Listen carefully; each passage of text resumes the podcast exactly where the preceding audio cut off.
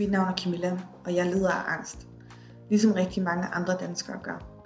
Derfor har jeg lavet den her podcast med udgangspunkt i min egen historie, for måske at hjælpe andre med at sætte ord på, hvad der foregår indeni, og dele mine hårdt lærte erfaringer med angst. Jeg tager dig igennem alle mine krøllede veje gennem de sidste tre år, så sårbart som muligt. Hvis du inden start eller undervejs i podcasten mistænker at lide af angst, så vil jeg foreslå dig at drøfte med din egen læge eller med nogen i din omgangskreds. Velkommen til din angstpodcast.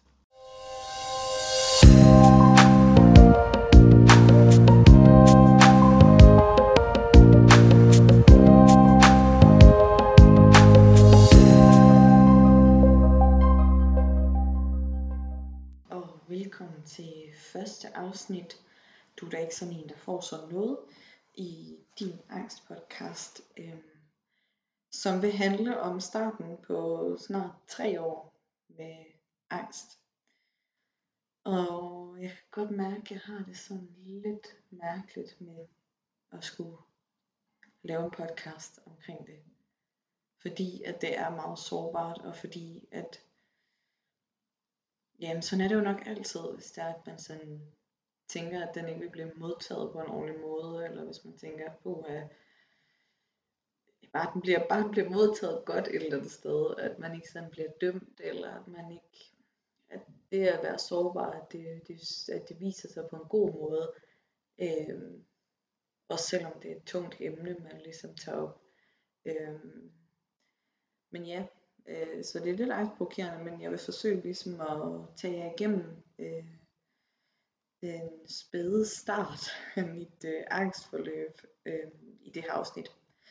Så ja, altså øh, jeg tænker egentlig, at det startede tilbage i 2018, og jeg var lige, jeg var lige kommet tilbage fra sommerferie og skulle starte på, på mit praktiksted og til at gå ind i det sidste halve år af min øh, bachelor. Øh, og jeg har en bachelor i øh, en og sundhed øh, fra Ankerhus i Sorø.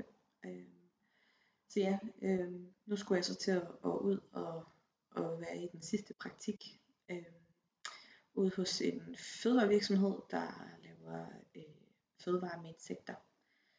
Øh, og på det her tidspunkt i mit liv, der jeg havde som sagt praktikstart, men jeg havde også en masse ting i mit personlige liv.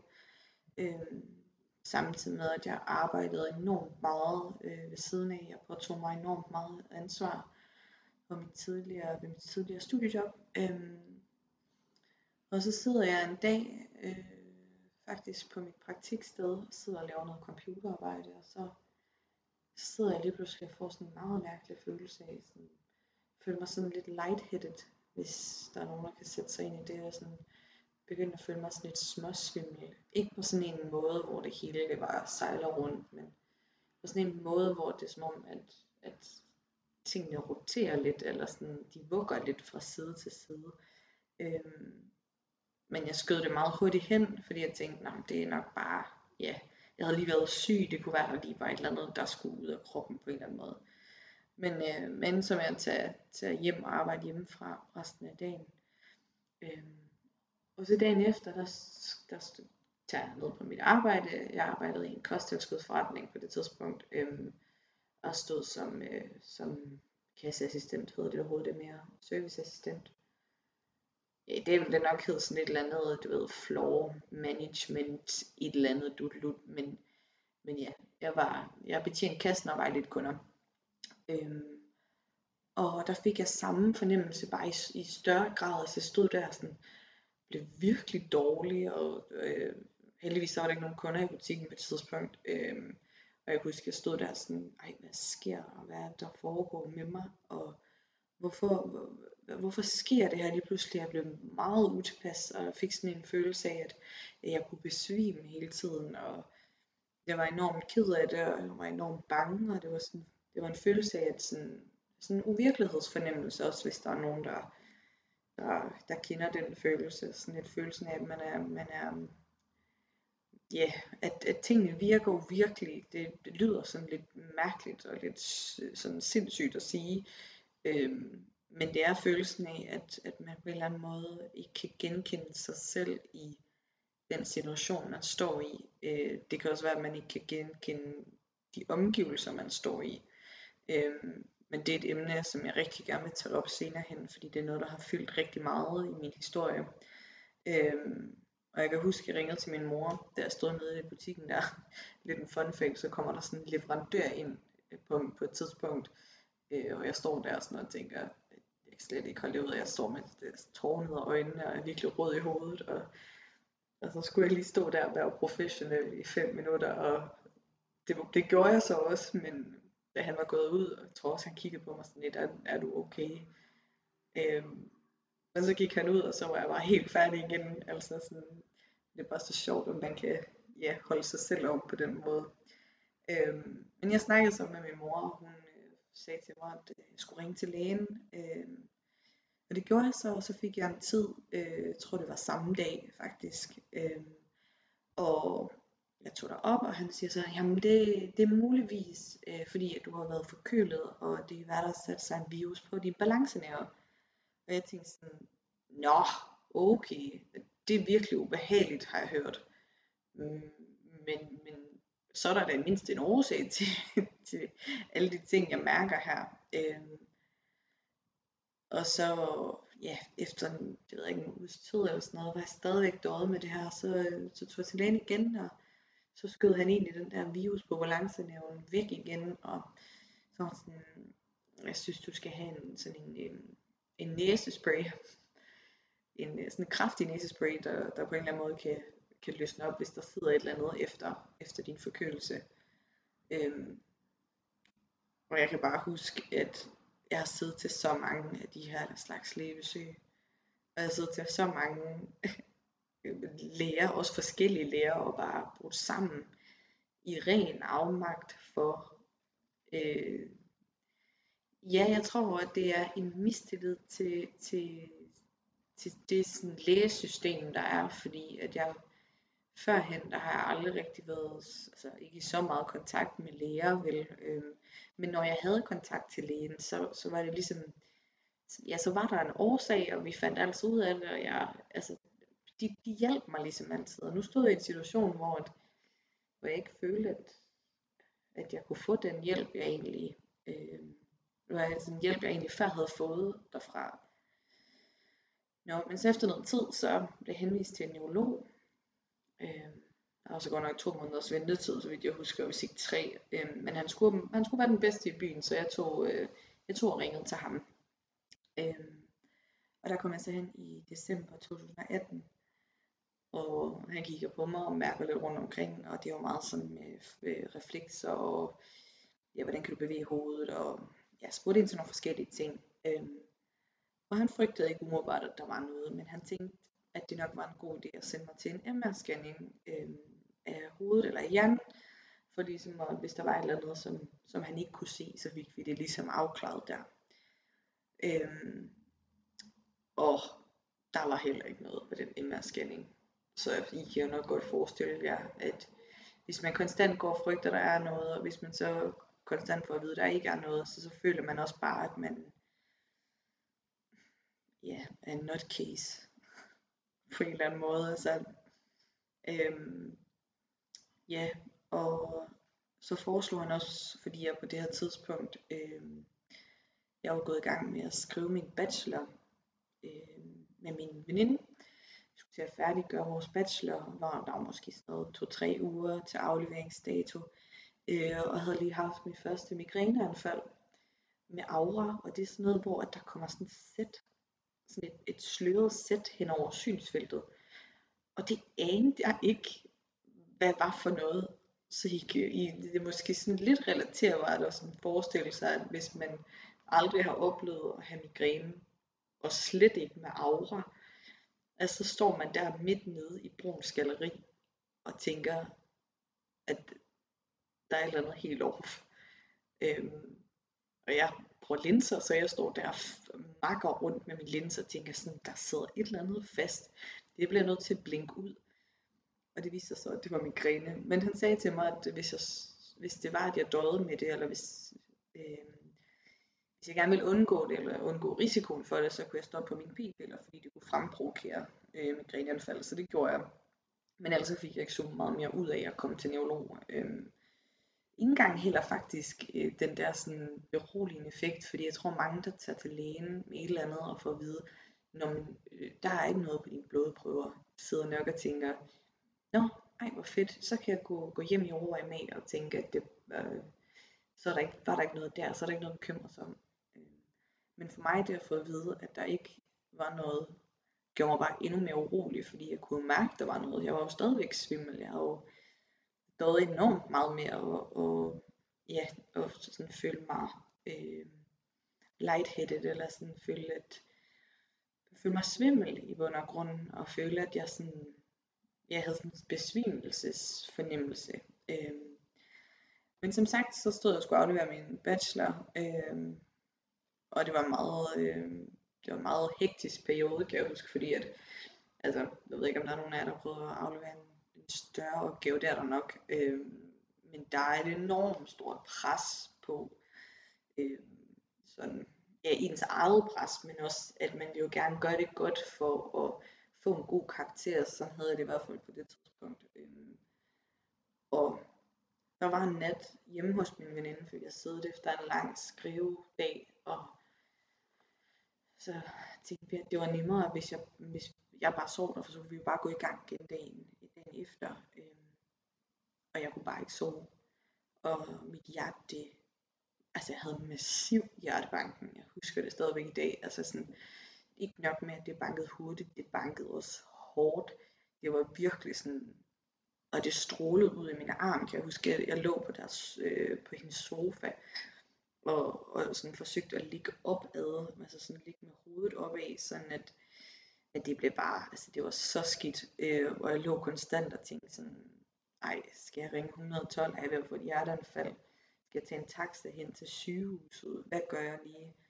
Øh, men jeg gjorde ingenting, øh, fordi jeg lå og vævede i super lang tid, og efterhånden, altså efter en to-tre timer, så tror jeg, jeg faldt i søvn. Øh, dog vågnede op med total nakkestivhed, fordi jeg havde ligget sådan helt mast op af sofa, sofaens øh, bagside.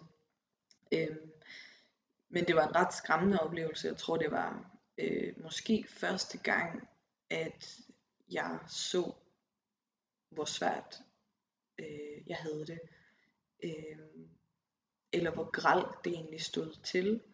Øh, så jeg gjorde det, jeg ringede til til min læge, og fik mit hjerte undersøgt endnu en gang, fordi jeg tænkte sådan, hvad er der med det hjerte der, hvorfor holder det ikke op?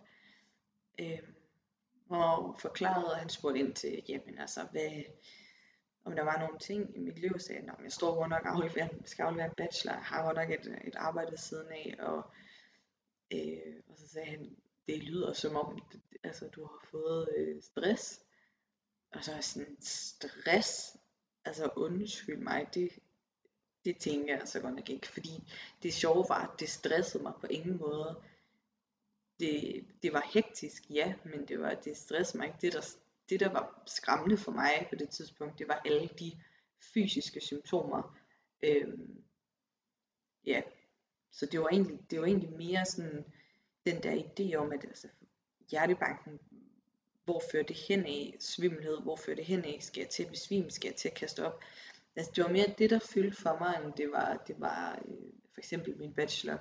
Fordi min bachelor fik jeg jo afleveret, øh, hvilket faktisk var sjovt nok. Altså jeg kom, vi kom ud derfra med den højeste karakter, man kan få, og det var bare som om, ja, jeg følte mig bare så tom inde i, selv efter at have fået så god en oplevelse med at aflevere min bachelor, så, så var det bare virkelig ikke det havde bare virkelig ikke været det værd at udsætte mig selv øh, for det massive pres, jeg var igennem, og jeg sov dårligt, jeg havde hjertebanken, jeg var konstant på på en eller anden måde. Øh, og det tror jeg måske, der er ret mange, der kan genkende til det her, det her pres, man kan have til sig selv, om at jamen, så snart jeg er over min bachelor, så bliver det godt igen, og så kan jeg slappe af, og så snart sådan og sådan, eller men der er bare, der er bare ikke noget i den her verden, der er værd at strække sig så meget for, at det går ud over ens mentale helbred.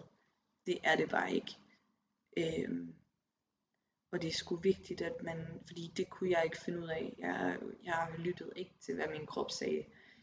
Øhm, min krop har jo udsendt enormt mange signaler for, at den var presset. Ikke? Øhm, og jeg gjorde bare ingenting ved det. Jeg, jeg skruede ikke ned. Jeg arbejdede stadigvæk de samme timer. Jeg knoklede på med bacheloren og fik den afleveret. Og, og så var jeg bare tom efter det. Øhm, og jeg kan huske faktisk en gang efter de mange lægebesøg, jeg har haft, der sagde han til mig, fordi det var det her med svimmelhed, jeg kom meget med i starten, der sagde han til mig, Camilla, din, din hjerne er en computer, og hvis, hvis den ligesom, altså, og hvis, hvis vi har den, at, at din hjerne er en computer, så husker den alt. Den husker også, hvilke signaler, der hjælper dig og får dig til at reagere. Og hvis du så ikke reagerer, så vil der komme flere signaler. Og det vil, vil den sende ud indtil du lytter og reagerer på det, den siger til dig. Så for mig, der husker min krop, at hvis den sender svimmelhed ud som symptom, eller et signal, så reagerer jeg på det. Og så ved jeg også godt sådan, puha, det er fordi jeg ikke har det godt. Og det ved jeg ikke, det, øhm, den, den sådan fortælling om, hvordan vores hjerne fungerer, øh, den hjalp mig rigtig meget på daværende tidspunkt at sige, okay, øhm, hvis din hjerne ligesom er en stor computer, der husker, husker på, hvad der får dig til at lægge dig ned og slappe af, og den sender de signaler ud, jamen så gør den det for at hjælpe dig, og ikke for at modarbejde dig, eller for at være syg. Den gør det for at hjælpe dig. Øhm, og jeg var så bare skide dårlig til, pardon my French, at lytte efter. Altså jeg tog det simpelthen ikke alvorligt. Øh, jeg havde et mindset, der gik rigtig meget på, at jeg skulle videre, jeg skulle tilbage til det, jeg kunne før, jeg skulle blive ved med at præstere på, på så højt et niveau. Øh, men i bund og grund følte jeg mig bare tom. Og også i lang tid efter, at jeg afleverede min bachelor, øh, fordi jeg stadigvæk arbejdede enormt meget. Jeg søgte jobs ud over det. Jeg oplevede dagligt hjertebanken og svimmelhed og uro i kroppen og sådan en følelse af bare at være generelt utilpas. Altså sådan, og jeg kunne slet ikke finde ud af hvorfor. Jeg kunne, ikke, jeg, kunne ikke, jeg kunne ikke sætte en finger på, hvad det var, fordi nu var det jo ligesom, det var ikke lige så slemt som under bachelor, øh, hvor jeg, sim, jeg, jeg tror simpelthen, jeg er gået ned med, med akut stress. Øh, og så er der ligesom nogle af de her symptomer, der er trukket med sig, altså, som jeg tænker, at jeg er blevet bange for øh, på det tidspunkt, hvor at, at jeg har haft det så skidt. Øh, og noget, som jeg også tænker, jeg gerne vil sætte ord på, det er den her uvirkelighedsfornemmelse, som jeg også snakkede lidt om før. Fordi den oplevede jeg virkelig meget øh, sådan i foråret 19 måske, sådan et par måneder efter min bachelor var afleveret. Øh, det var, det, det, det var virkelig slemt, altså virkelig slemt, i sådan en grad, at jeg frygtede for min, min sindstilstand. Altså jeg frygtede simpelthen, at nu var jeg ved at tabe småkagen. Øhm, og nu skulle jeg til at, at indlægges på psykiatrisk. Men det var som om, det forsvandt altid igen. Altså det er som om, det kom i bølger, den der uvirkelighedsfornemmelse. Det var ikke sådan en, nu går jeg bare en uge og føler mig fuldstændig disconnected, eller sådan fremmedgjort for mig selv og mine omgivelser det kom egentlig altid i sådan en times tid eller to. Øh, og så var det som om, at jeg efter, at den her følelse ligesom var, var til stede, hvis jeg sådan, efter det var overstået, så, øh, altså gik jeg var sådan nervøs for, at det skulle komme igen. Øh, ja, og det var egentlig ikke fordi den var vedvarende, men oplevelsen i sig selv af, at ting virker uvirkeligt, både ens selv og ens omgivelser, kan være enormt skræmmende. Øhm, men ja, så øh, i sommeren 2019, der til at starte med gik det egentlig faktisk okay, så vidt jeg husker det. Nu er det jo også ved at være nogle år siden, men så vidt jeg husker det, gik det okay. Og øhm, det gik gæld fik jeg en frivillig abort med min daværende kæreste. Og jeg var lige kommet ind på mit drømmestudie i København, øh, kandidatstudie, og stod og skulle flytte. Så, øh, så vi valgte at få en frivillig øh, kirurgisk abort. Øh, og efter jeg havde fået aborten, der, der begyndte jeg igen at, at få de her svimmelhedssymptomer og hjertebanken og sådan generel uro og sådan, ja, virkelig enormt meget uro. Og tankemøller, jeg, sådan, jeg tænkte enormt meget. Øh, men mange af mine tanker gik egentlig også meget, meget besynderligt nok på, at jamen, det går nok, og stille og roligt, og det, det skal du nok klare, og, og jamen, du har bearbejdet den abort, eller når du, du er klar til at flytte helt palle alene i verden til København.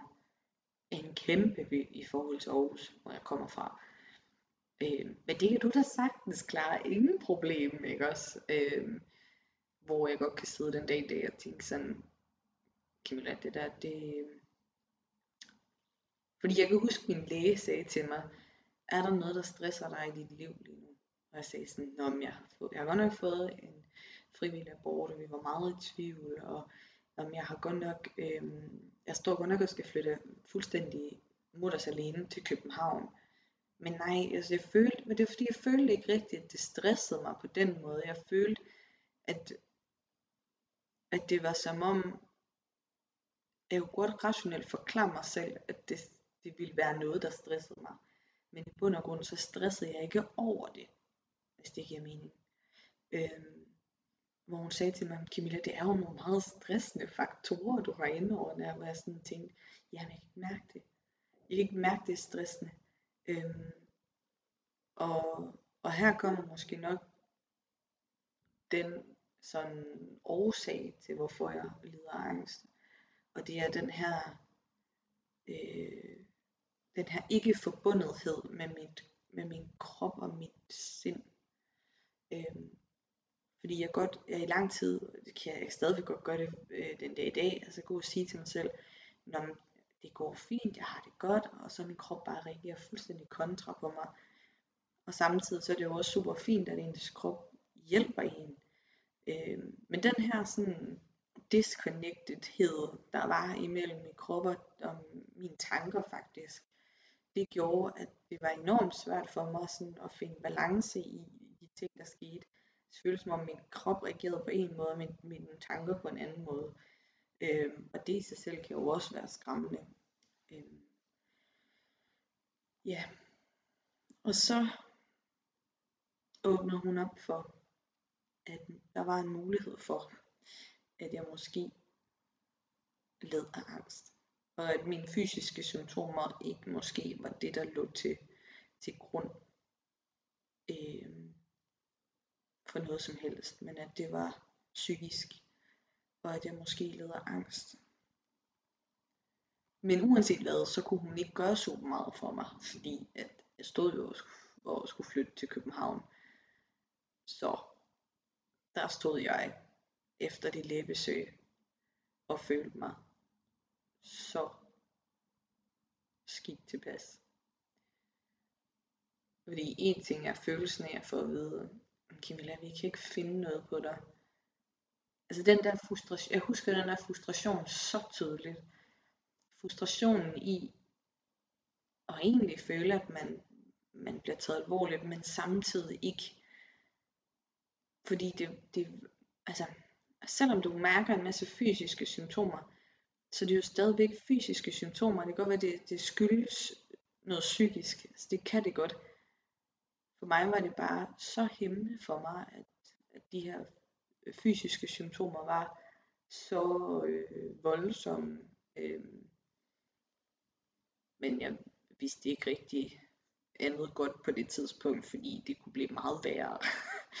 øhm, men efter det her læbesøg, hvor hun sagde til mig, at jeg var sådan lidt ligesom, ikke on my own, fordi hun foreslog mig at komme og finde læge, da jeg kom øh, da jeg skulle til København. Øh. Men den der følelse af at være blevet sluppet og være efterladt og sådan overladt til sig selv.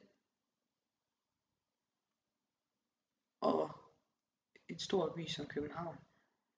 Det var virkelig, det var virkelig, øh, det var virkelig noget af en følelse at sidde tilbage med.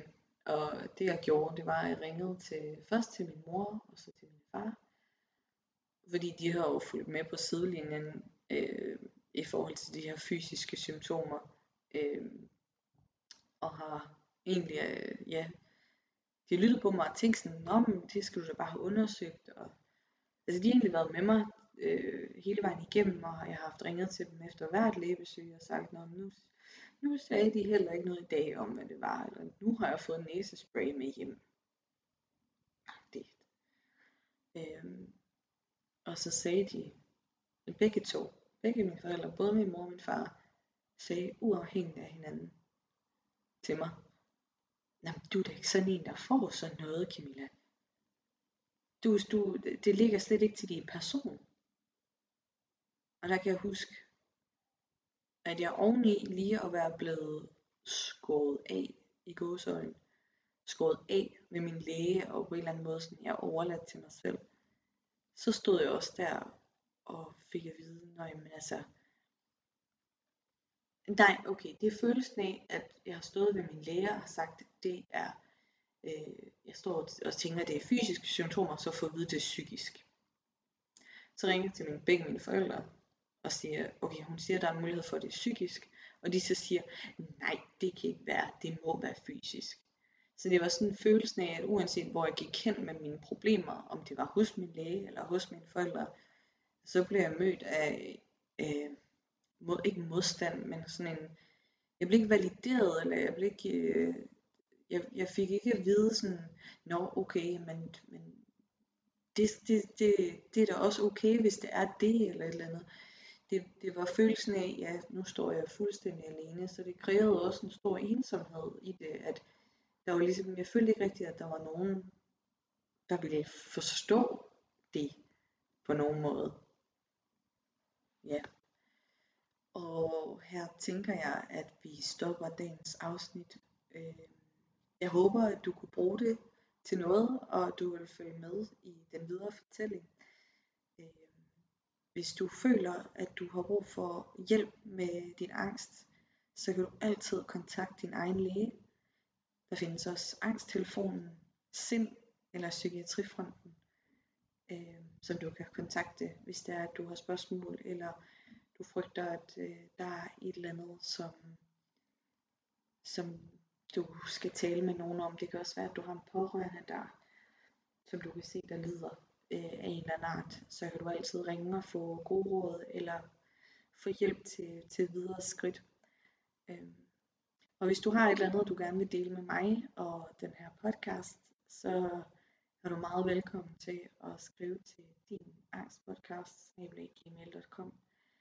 Øh, og det kan være alt lige fra din historie til ting, du tænker, jeg skal have fokus på i den her podcast, eller noget, jeg skal have mere fokus på i den her podcast ris, ros, whatever.